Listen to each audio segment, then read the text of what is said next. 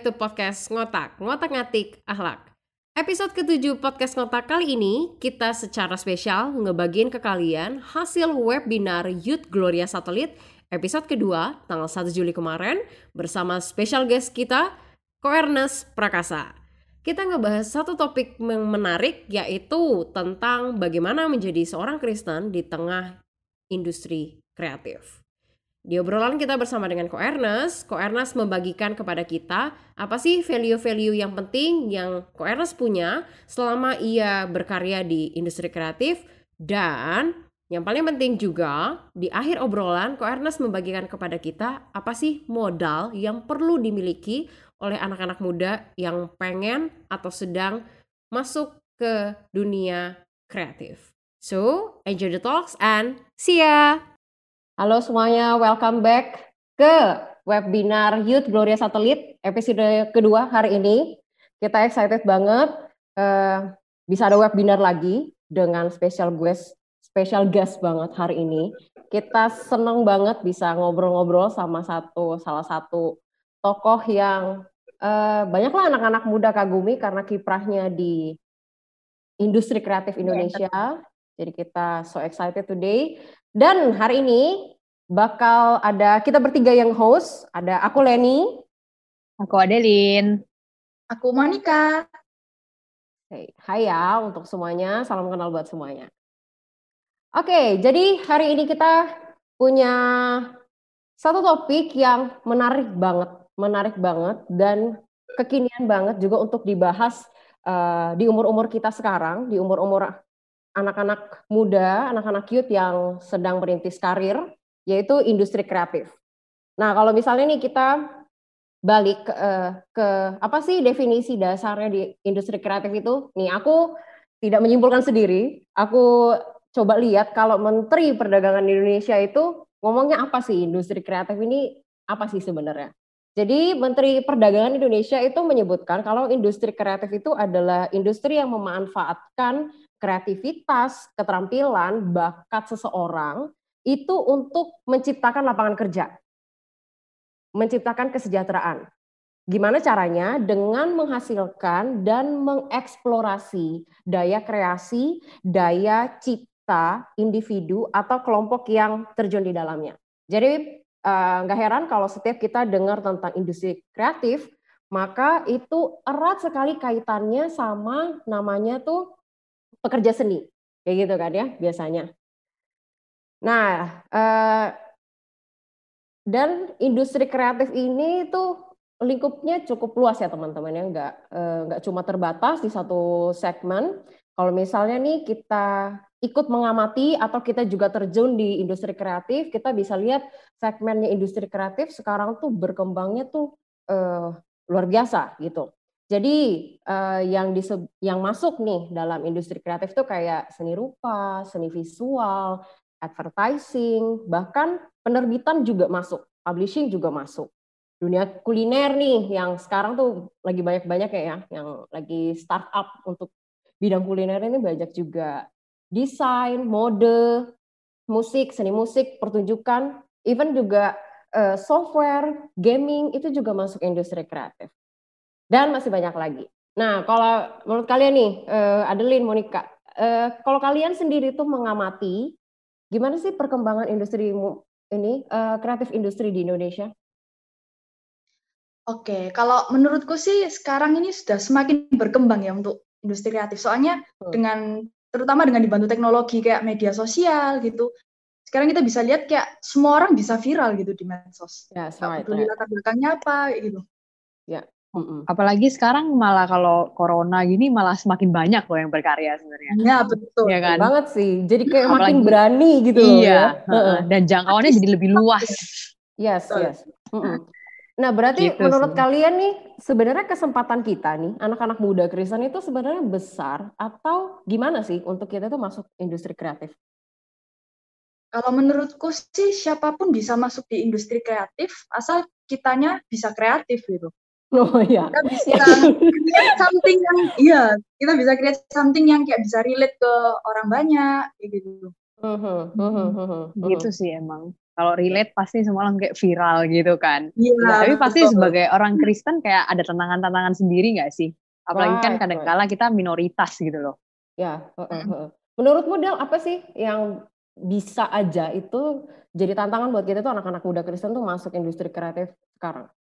Karena mungkin eh, apa ya, lebih ke arah memang background bisa jadi. Ya. Karena memang kayak tadi yang aku bilang kayak kita cukup minoritas ya kan. Jadi kan orang-orang Masalah udah kayak, agama gitu ya? Iya, masalah agama lah, masalah ras. Apalagi kok, ih gila lu Kristen, mau coba-coba kayak gitu. Itu kan udah kayak, ih iya gimana ya? Belum lagi kita kalau dibanding banding bandingin, akhirnya kan awalnya pede jadi kayak takut gitu. Iya. Apalagi kalau dijudge gitu kan. Gitu sih. Jadi Kalau akhirnya waktu mau sendiri? berkarya tuh jadi susah. Ya. Iya. Belum lagi ada kayak batasan-batasan moral dan etika kita sebagai orang Kristen gitu kan. Kalau orang bilang Oh. "Mm, industri kreatif tuh harus kreativitas tanpa batas. Ya betul Oh, sih, iya, cuma iya, iya, iya. ada pagernya gitu. Jadi memang cukup eh, jadi banyak pertimbangan gitu ya. Kita itu mau masuk industri kreatif tapi takut-takut berani gimana gitu. Heeh, heeh, heeh, heeh. Padahal sebenarnya kalau kita lihat anak-anak muda Kristen sekarang tuh banyak banget talentnya gitu ya. Terus kreatif banget. Bahkan di gereja mereka tuh bisa kreatif banget. Tapi why waktu keluar tuh gitu Gak gitu bisa, ada kayak gak greget gitu ya. Kayak gak bisa full gitu. benar benar benar benar. Ya jadi eh, teman-teman semuanya yang baru join sekali lagi welcome. Jadi hari ini kita bakal bahas satu topik menarik yaitu tentang industri kreatif. Jadi memang industri kreatif ini menarik banget untuk diikuti karena memang eh, kita bisa lihat ya beragam banget kreativitas yang bisa keluar dari seorang individu dengan karakter yang berbeda lewat media yang berbeda itu wah bisa bisa beda banget bisa beda banget gitu. Nah makanya eh, malam hari ini kita tuh bakal ngobrol dengan salah seorang pekerja di industri kreatif khususnya dunia perfilman Indonesia yaitu seperti yang kita tahu Ko Ernest Prakasa gitu ya kita boleh say hi dulu ya sebelum Hai. Sebelum Ko Ernest masuk. Hai Ko Ernest welcome Hai, Ko Ko Ernest.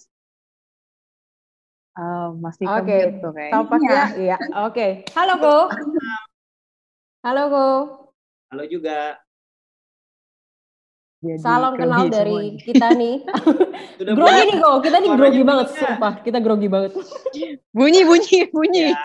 Oke, Yes, bunyi kok masuk kok oke, oke. Terus ya ini sebelum kita mau ngobrol sama Ko Ernest aku boleh jelasin profilnya Ko Ernest dikit ya Ko boleh. Oke. Salah boleh nanti direvisi kalau ya. salah ya langsung di interupsi Kan aja Wikipedia juga ada sih sebenarnya iya sih Ko tapi katanya di situ ada yang belum diperbarui gitu Oh gitu. jadi ya Oke, let's oke. see kalau misalnya lengkap. Oke.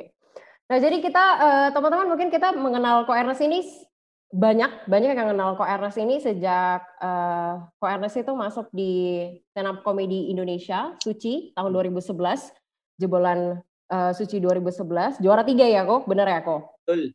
gitu dan dari situ kita mulai lihat Ko Ernest masuk ke dunia perfilman jadi aktor jadi penulis jadi sutradara bahkan beberapa kali juga eh, jadi presenter gitu. Nah yang menariknya nih aku juga baru tahu. Karena juga baca nih di eh, sebuah artikel ini di dimuat di fifa.co.id itu nulisin kalau sebenarnya Ko Ernest itu mengawali karirnya di industri musik. Ini bener gak kok Benar, gue ketika karena memang dari dari kecil memang doyan ngomong ya. Jadi ketika Heeh. gue kuliah, gue menyalurkan minat dan bakat itu jadi penyiar radio ketika kuliah di oh Bandung waktu itu. Jadi karena bergaulnya di kalangan radio, biasanya kan radio itu nyambungnya ke band, musik, IO, Mm-mm. kemudian eh, recording company. Nah, ketika lulus ada salah satu recording company yang menawar menawarkan pekerjaan, lalu gue mencoba untuk join di situ. Jadi singkat cerita, enam tahun dari gue lulus 2015 awal sampai 2011 ketika gue masuk Suci Kompas, itu Mm-mm. gue berkarirnya di bidang industri musik. Tapi bukan Oh. sebagai musisi, tapi lebih sebagai em, apa staff marketing, promosi. Oh gitu, oke oke oke. Berarti bukan jadi musisinya ya? Pikirnya jadi musisinya gitu kok. Gak bisa, Keren banget nih, semua bisa nih berarti. gak bisa, nggak bisa nyanyi, gak bisa musik. Oke oke. Nah sekarang kita tuh banyak uh, mengenal Ko Ernest itu terutama jadi sutradara film ya. Dari tahun 2015 kita tahu ada Ngenes The Movie, terus 2016 itu ada Cek Toko Sebelah, my, my favorite banget itu. Susah Sinyal 2017, Milih Mamet 2018, dan terakhir nih 2019 Imperfect. Ini pasti banyak banget kita yang, apalagi cewek-cewek itu nonton berulang kali. Aku nonton juga lebih dari dua kali sih. itu keren banget sih. Syukurlah. Yang belum nonton, tunggu di Netflix ya gue ya. Bener ya gue? Loh, ya, bukannya udah keluar di Netflix? 9 Juli. 9 Juli. Ya, oh, tunggu ya guys. Mantap. Yang belum nonton, hmm. nonton lagi lah gitu. Nah, oke, okay, jadi kita bisa lihat juga selama kiprahnya Ko Ernest ini di industri perfilman itu semua filmnya Ko Ernest itu rata-rata masuk nominasi penghargaan film Indonesia yang bergengsi. Misalnya nih di 2016 itu nominasi pemeran utama pria terbaik nominasi sutradara terbaik, penulis skenario skenario terbaik Indonesia. Itu di Indonesia Box Office Movie Awards. Di 2017 juga ada seperti nominasi pemeran utama pria Festival Film Indonesia di Festival Film Bandung 2017 itu sebagai penulis skenario terpuji. Jadi kita bisa lihat bareng-bareng Koeros ini di industri kreatif Indonesia, khususnya dunia perfilman, itu sudah cukup banyak ya uh, apresiasi yang sangat hangat dari masyarakat Indonesia. Oke, jadi tanpa berlama-lama lagi, let's start the talks dengan tema kita malam hari ini Being Christian in Creative Industry. Oke, okay, please welcome Adeline. Boleh start the okay. talks. Pertanyaan pertama nih yang paling banyak masuk. Oh gitu. Biasa ini berarti dari ini ya, dari penonton ya. Penonton, ya, yes. penonton kita kita, apalagi manusia-manusia Kristen nih. Manusia Kenapa sih? ya kan manusia-manusia Kristen. Kenapa sih bisa ceritain nggak background kok akhirnya masuk ke industri perfilman di Indonesia? Dan kenapa akhirnya memutuskan untuk khusus jadi filmmaker? Uh, kan ya, nyambungin yang tadi sejak 2005 sampai 2011 kerja di recording company kemudian 2011 iseng-iseng nyobain audisi stand up comedy. Kenapa ikut audisi stand up comedy? Karena aku dari dulu suka komedi. Dari kecil tuh papa suka ngasih denger kaset lawak. Oh. Uh, oh. Kaset ya, masih dalam bentuk kaset waktu itu. Okay. Wow. Jadi terus uh, ketika beranjak besar remaja senang banget nonton sitkom gitu terus ketika mulai ada YouTube nontonin stand up comedy so I love comedy nah hmm. ketika ada stand up comedy Kompas waktu itu sebenarnya iseng-iseng doang sih karena kan setauku bukan bukan setauku Indonesia waktu itu belum mengenal stand up comedy itu adalah sebuah bentuk seni yang tidak lazim di sini pada waktu itu gitu ya udah kok ada sih di Indonesia cobain nah ternyata pas iseng-iseng nyoba terus um, terpilih. Nah, ketika terpilih itu harus karantina ternyata. Jadi ketika harus karantina hmm. itu dihadapkan pada pilihan ini karir apa kabar. Waktu itu udah manajer, gaji juga udah 8 digit dengan satu anak gitu ya. Jadi mikir um, apakah ini sesuatu yang patut dicoba gitu ya setelah akhirnya bergumul dan berdoa memutuskan untuk mencoba uh, mungkin ini jalan yang Tuhan kasih ya udah akhirnya coba untuk nyebur 2011 uh, eh, ke stand up Kompas TV terus keterusan sampai sekarang dari stand up ke film awalnya dia ajaknya sebagai pemain. Kemudian tahun 2015 uh, eh, buku aku yang judulnya Ngenes itu dibeli rights-nya sama sebuah PH di Indonesia namanya Star Vision. Uh -huh. terus Star Vision ini apa ya kayak semacam nantangin gitu. Udah kamu aja yang menulis dan menyutradarai film ini karena ini cerita kamu. Jadi kamu yang paling ngerti. Terus hmm. Uh, ada banyak ketakutan ada banyak keraguan tapi akhirnya ah what the hell lah cobain aja lah gitu. Um, kalaupun gagal ya udah ntar ada hikmah yang bisa dipelajarin harusnya.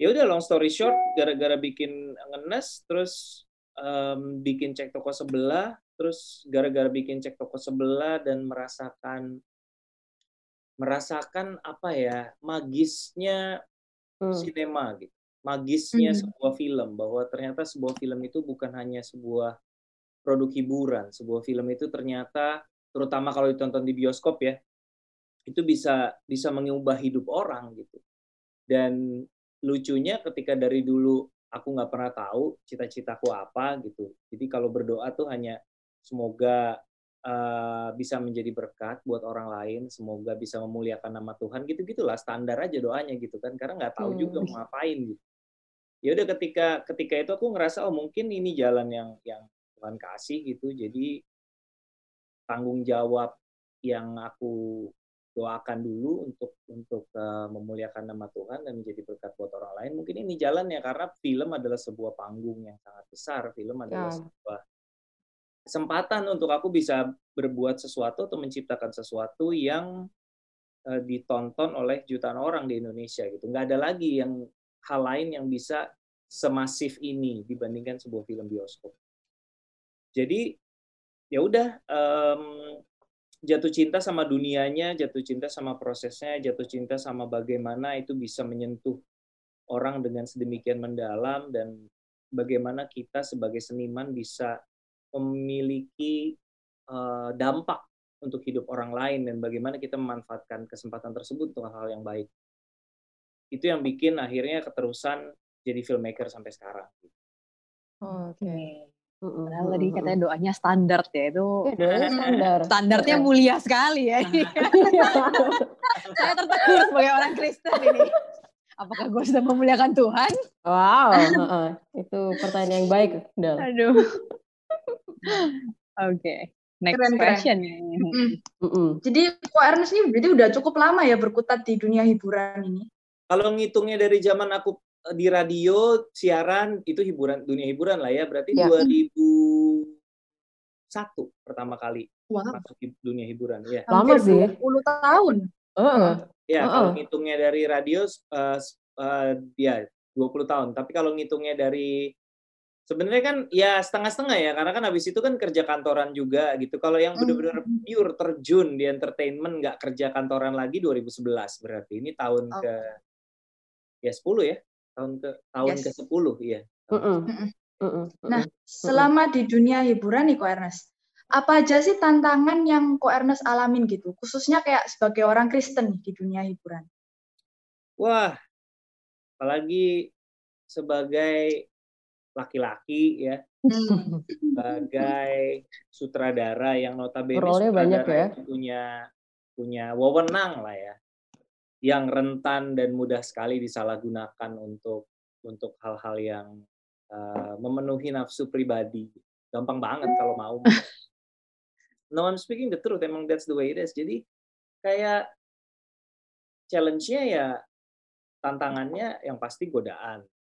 Cuman buat aku pribadi sebenarnya sih dari dulu kalau namanya godaan mah selalu ada ya. Cuman udah terlatih untuk terlatih untuk menghadapi itu jadi cuman skalanya aja semakin lama semakin bertambah cuman kan sebenarnya kalau buat aku kalau untuk khususnya dalam konteks um, uh, godaan di dunia hiburan gitu ya zina gitu kayak gitu biasanya kan yang orang udah terprosok kalau kita bicara dunia hiburan gitu hmm. kalau aku sih pribadi kayak ya elah kalau cowok um, apa namanya ngikutin hawa nafsu selingkuh mah gampang setia bisa nggak lu gitu. jadi lebih menantang aja sebenarnya kalau kalau bisa setia tuh lebih hebat daripada bisa playing around gitu. Playing around semua orang juga setia bisa nggak gitu? Jadi kayak lebih buat aku kayak aku nggak mau tunduk sama sama ya kedagingan godaan apa pun itu namanya. Jadi ya um, lurus-lurus aja um, dan hal-hal seperti itu kadang-kadang kan kita yang membukakan pintu ya. Kalau misalnya orang juga lihat kita nih nggak aneh-aneh kita juga ini orang juga segen gitu untuk untuk aneh-aneh sama kita gitu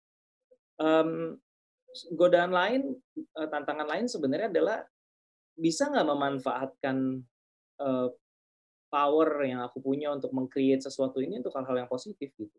Karena sebenarnya nggak ada tanggung jawab, nggak ada keharusan filmku harus positif sebenarnya, nggak ada siapa yang ya. wajibin gitu. Ya. Mau bikin hmm. film uh, horor yang cabul juga, ya hmm. namanya industri hiburan mah bisa-bisa aja gitu. Namanya industri hiburan, siapa yang larang? Sekarang tantangannya bisa nggak memanfaatkan peluang ini, memanfaatkan wewenang ini untuk menciptakan sesuatu yang positif gitu, yang berguna, bermanfaat buat orang banyak. Itu sih tantangannya kira-kira. Dan menjaga menjaga diri dengan exposure yang sekarang ibaratnya orang udah pada kenal gitu. Sampai-sampai sekarang udah era new normal pakai masker ke mana-mana juga tetap kadang-kadang orang kenal kan gue operasi mata aja bagaimana juga kadang-kadang bisa bisa bisa bisa. Itu kan beban ya. Maksudnya kalau kita dikenalin orang um, apa pun yang kita lakukan orang tahu media sosial orang lihat itu kan beban sebetulnya beban untuk kita selalu dalam sorotan itu kan itu nggak gampang gitu. Kita bisa bisa terus menunjukkan sesuatu yang baik atau enggak. Ibaratnya ibaratnya orang Kristen itu sebenarnya kalau di perspektif aku tuh kayak ibaratnya brand mah brand ambassador lah kalau di dunia bisnis gitu ya. Kita brand ambasadornya Kristus gitu, brand ambasador Yesus ya. Kalau kita apalagi kayak aku yang orang kenal gitu, kalau aku berbuat hal-hal yang negatif ya berarti itu mencoreng citra Kristus lah in a way. Jadi sebenarnya aku punya tanggung jawab itu juga. Oh, mungkin itu yang semakin ke sini semakin berat karena exposure semakin besar, uh, ya semakin bertumbuhnya karir, semakin orang banyak kenal aku, ya semakin uh, berat bebannya untuk menjaga ini semua supaya tidak menjadi batu sandungan bagi orang lain gitu. Mm-hmm. Kira-kira. Gitu. Oke. Okay. Mm-hmm. Pernah nggak sih Kuarnes tapi kayak um, ada satu momen gitu mengalami dilema kayak ingin melakukan sesuatu yang nggak sesuai dengan nilai-nilai kekristenan gitu. Ya, pingin istilahnya pingin pilih nakal tapi untung daripada benar tapi buntung. Pernah mengalami momen dilema itu nggak? To sih enggak ya, karena hal-hal seperti itu harus dilatih sih.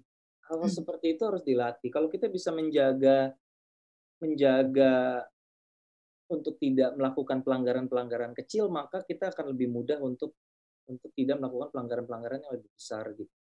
Sama kayak perpuluhan lah. Kalau kita biasa ngasih perpuluhan dari zaman gaji kita 3-4 juta, ketika 3 juta itu jadi 30 juta, akan lebih udah biasa gitu.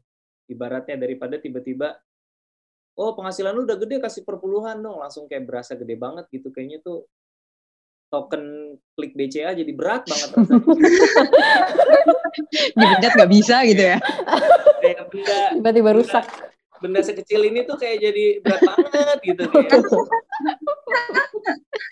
jadi sama sih menurutku kayak memberi buat Tuhan uh, dan melanggar hukum Tuhan agak mirip in the way bahwa kalau kita terbiasa dari yang kecil-kecil ketika itu kecil itu menjadi besar ya udah terbiasa gitu. Jadi ya mungkin aku beruntung uh, dibesarkan dengan uh, keluarga yang cukup uh, takut akan Tuhan, nilai-nilai kekristenan kayak sekolah minggu apa dari kecil udah akrab dengan hal-hal seperti itu. Jadi di brainwash secara cukup dini kali ya. Jadi nggak terlalu sulit bagi aku pribadi untuk menjaga berada di jalan yang lurus tuh menurut aku sih ya itu mau udah jadi bagian dari tanggung jawab kita gitu bukan sesuatu yang ah gila berat banget nih harus enggak sih biasa-biasa aja sih. Hmm. Oke oke. Nah, berarti kok ini kalau dari, uh, ceritanya Ko Ernest nih ya, uh, Ko Ernest sendiri itu berarti memang terlihat menjadi sebisa mungkin itu menjadi orang Kristen yang otentik gitu ya. Nah kalau, uh, kalau boleh nih kok, uh, bisa dong kok sharing dari perspektifnya Ko Ernest itu jadi orang Kristen yang otentik itu kayak gimana? Soalnya kita kadang mungkin itu kesulitan menempatkan diri jadi orang bilang bisa jadi munafik, padahal kita menjaga diri gitu ya. Tapi ekstrim lain itu kita bisa jadi terlalu apa adanya. Jadi yang otentik itu kayak gimana? Ya kayak gitu sih kok. Uh, buat aku sih yang yang terutama dan yang paling gampang jadi orang baik itu dulu. Ya. Yang paling simpel ya, maksudnya lo bisa bisa nggak jadi orang yang baik gitu bisa nggak? Nggak usah nyakitin orang kalau bisa atau bisa nolongin orang lain di saat lo sanggup dan orangnya membutuhkan gitu. Mulai nggak usah pusingin bagaimana menjadi orang Kristen yang baik dulu. Kalau itu menurut lo membingungkan jadi orang baik aja dulu. Nah, otomatis lo kan jadi orang Kristen yang baik kalau lo jadi orang yang baik gitu. Simpel hmm. itu. Um, jangan jadikan agama sebagai identitas yang membuat kita merasa lebih suci dari orang lain. Uh, ibadah diumbar-umbar, uh, kebaikannya diumbar-umbar. Kalau berbuat hal baik, ya udah simpen aja gitu. Kalau kita beribadah ya beribadah aja. Keakraban kita sama Tuhan nggak perlu diumbar-umbar, nggak perlu dipamer-pamerin gitu. Karena itu akan termanifestasikan dalam kelakuan kita sehari-hari kan. Lu mau ngasih lihat lu doa puasa tiap hari baca pagi baca saat teduh juga orang nggak peduli kalau kelakuan lu belin gitu siapa. ya ya. Kalau lu ya, ya. baik, kalau lu baik orang nggak akan mempertanyakan kayak ini orang beriman gak sih? Gitu. Kayaknya enggak sih. Kayak kita jangan jangan fokus sama esensi aja lah. Jangan jangan fokus sama hal-hal yang sifatnya kosmetik gitu hal yang sifatnya ya gitulah gitu. Kayak dulu orang kalau di Alkitab kan ya orang fasik kalau ibadah suka di pinggir jalan teriak-teriak memuji nama Tuhan biar kelihatan mulia gitu. Di kita juga dengan sosial media orang jadi seperti itu kan sebenarnya kan. Jadi mm -mm. jadi jadi jadi kalau kata orang Islam ria gitu. Versi Kristennya ya. apa tuh? Gua nggak tahu istilahnya apa. itu bahasa ya? Arab ya bahasa bahasa, bahasa Ibrani-nya ria apaan tuh? itu juga nggak tahu sih. Kayak gitu gitu. Jadi ya udah nggak nggak nggak usah musingin gimana jadi orang Kristennya jadi orang baik aja pas kenapa nah. harus mikirin senjelimet itu sih ya udah jadi orang yang baik aja orang kan kata Maya Angelou um, apa orang poet uh, apa ya poet tuh apa sih penyair ya dari penyair. Amerika yang udah uh-uh. meninggal ya dia bilang kan people people will will not remember what you say but they will always remember how they make, uh, how you make them feel Orang nggak akan selalu ingat kita ngomong apa, tapi kalau kita melakukan sesuatu yang baik, harusnya sih orang ingat karena perasaan yang kita berikan kepada orang itu tuh it will linger gitu, itu akan nempel. Kira-kira gitu sih. Itu yang aku percayain. Jadi ya udah nggak usah nggak usah terlalu gimana aku sebagai orang Kristen menempatkan diri udah jadi orang yang baik aja udah nggak usah banyak cincong deh bisa nggak sesimpel itu sih ya banyak, banyak alasan kadang-kadang ya. Nah kok kalau misalnya di di waktu Ko Ernest bikin film tuh lagi syuting segala macam, ada nggak prinsip-prinsip itu yang pasti itu Ko Ernest tuh pegang banget dan itu itu Christian value yang Ko Ernest itu bakal akan selalu terapin di mana pun, terutama waktu dunia kerja, pas kerja gitu. Ya sebenarnya kan value apa sih at the end of the day hukum yang paling basic kan hukum kasih kan Yes. Kasih kan cuma dua gitu. Uh, kasih Tuhan alamu, kasihlah sama manusia. Eh, kasihlah sama manusia aja dipraktekin. Misalnya di lingkungan kerja. Kalau misal kita sebagai pemimpin misalnya, terus kita punya tim, kita mengasihi mereka. Artinya kita pengen mereka bisa maju, pengen mereka bisa berkembang. Artinya kalau mereka melakukan sesuatu yang baik, kalau kita memang mengasihi mereka, ya bukan kita lantas mengklaim kerja mereka sebagai kerja kita dong sebisa mungkin kita pengen semua orang tahu this guy, this person did a great job gitu. Dan orang harus tahu misalnya.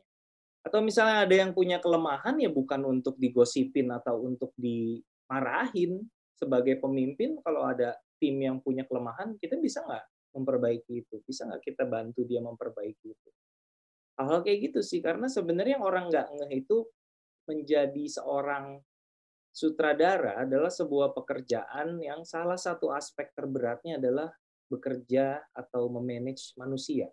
Hmm. Bayangin misalnya kita syuting film dalam satu produksi film di hari syuting itu bisa ada sekitar 130 sampai 150 orang di hmm. satu hari di satu tempat. Betapa banyak hal yang bisa terjadi. Ya. So many things can go wrong gitu. Dengan orang sebanyak itu dengan emosi karakter tujuan, agenda yang berbeda-beda. Jadi how do we manage them gitu?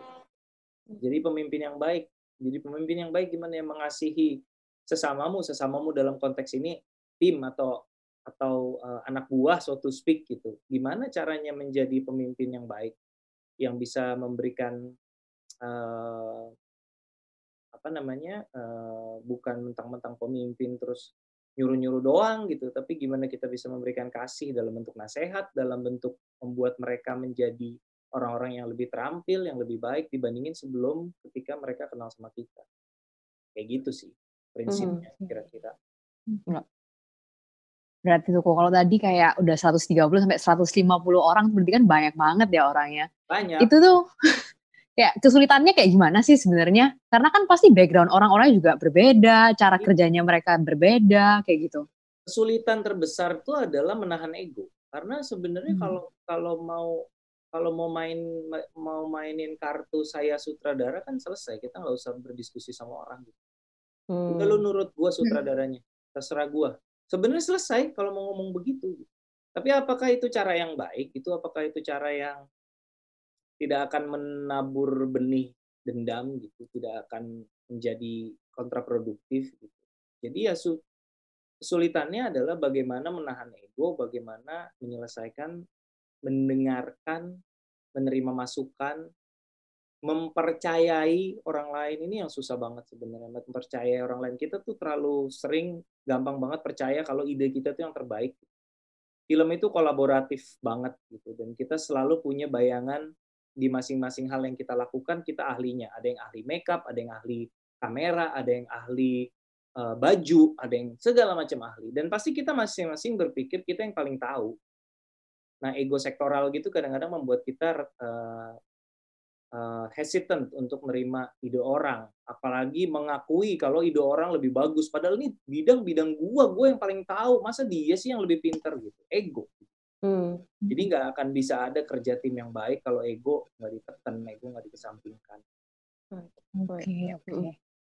Terus nih kok sebagai kau kan Kristen, terus keturunan Tionghoa gitu, Cina lah anggapannya.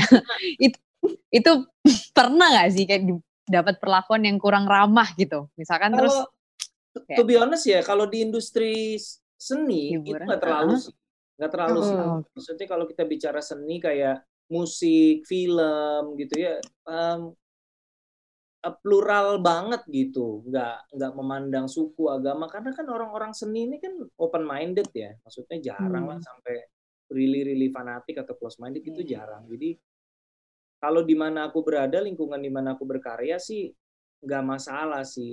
Sutradara yang Cina juga di Indonesia juga banyak gitu, bukan cuma bukan Mhm. cuma aku doang ya, ada Timo Cahyanto, ada Awi Suryadi, ada Edwin, macam-macam lah banyak lah. Jadi ya nggak aneh gitu, artinya tidak menjadi dasar untuk diskriminasi atau mendapatkan perlakuan yang berbeda sama sekali nggak. Kalau- di seni memang seperti itu. Mungkin di bidang-bidang lain, mungkin di pemerintahan misalnya, atau militer atau kepolisian atau ya warisan-warisan orde, baru lah, sektor-sektor yang dulu tidak melibatkan orang-orang Cina, mungkin di situ akan repot. Tapi kalau seni, seni mah sebenarnya orang Cina dan seni itu udah akarnya udah jauh banget gitu. Orang aja pada nggak nge gitu. Ateng tuh Cina, mungkin nggak semua orang tahu.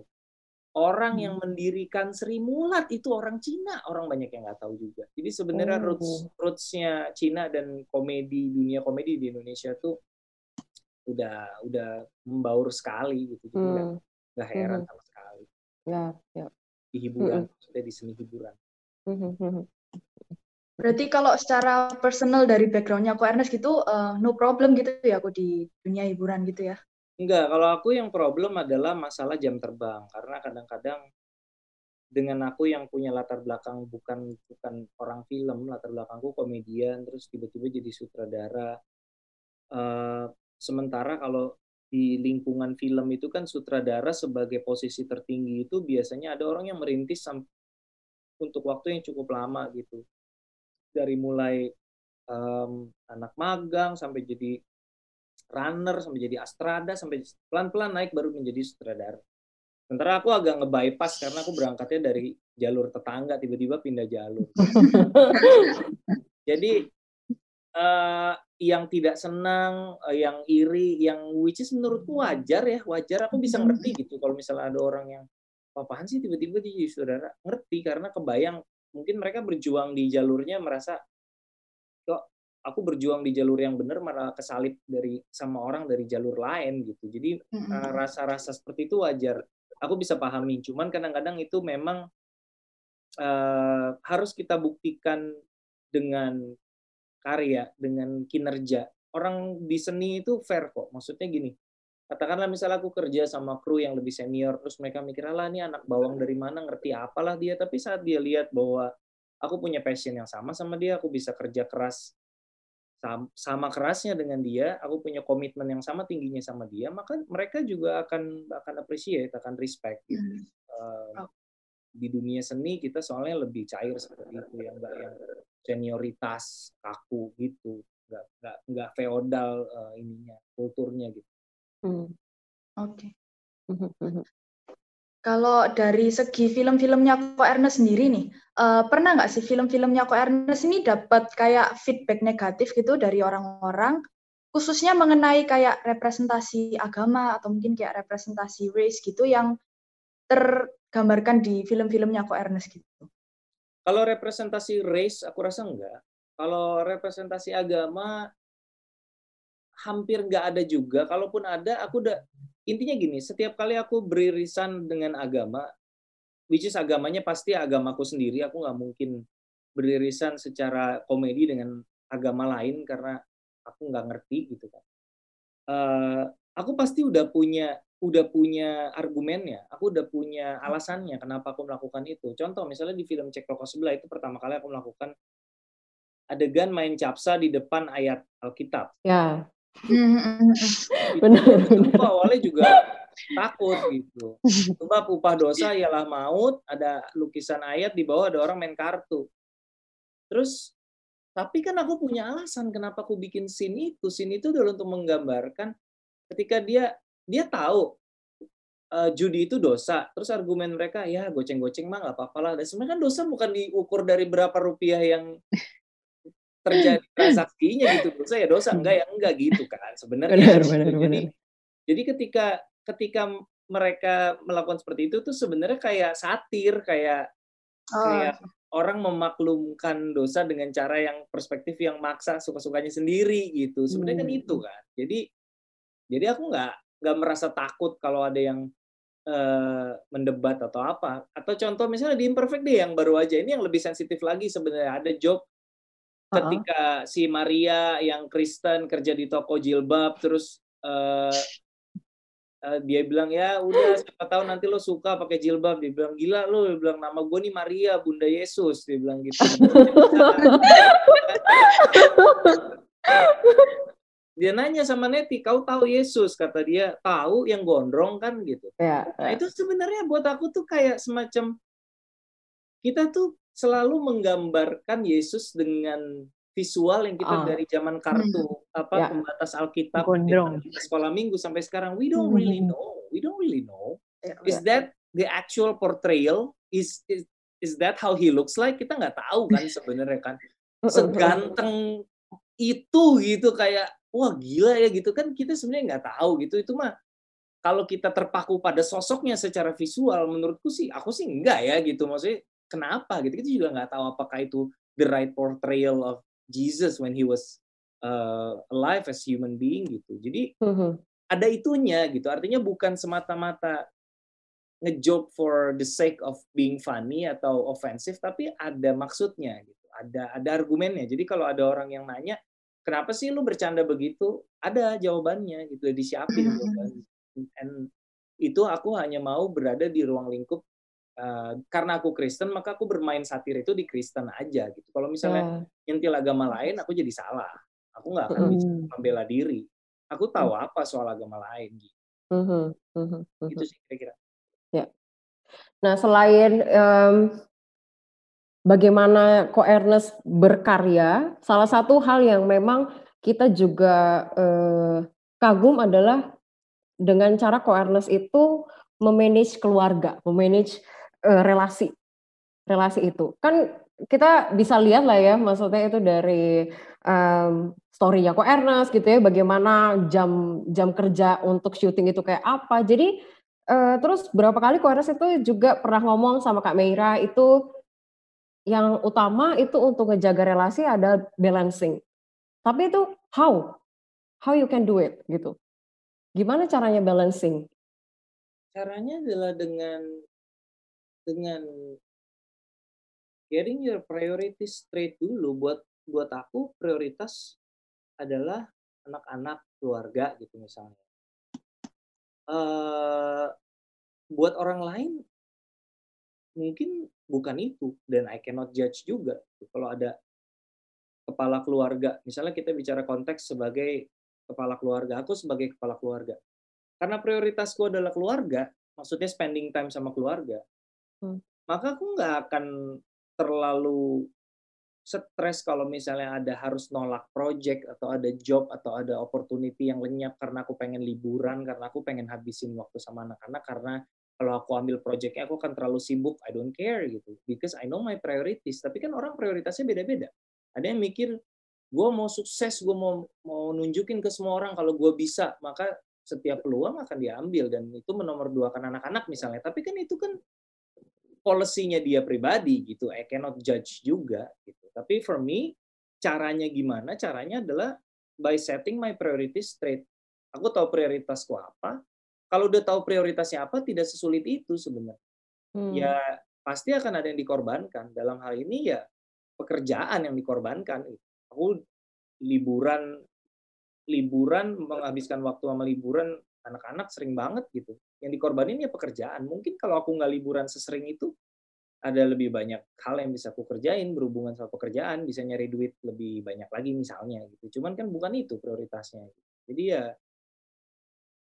caranya ya everybody has different priorities. For me, my priority is my family, my wife, my children. Ya, ya itu yang yang jadi prioritas utama.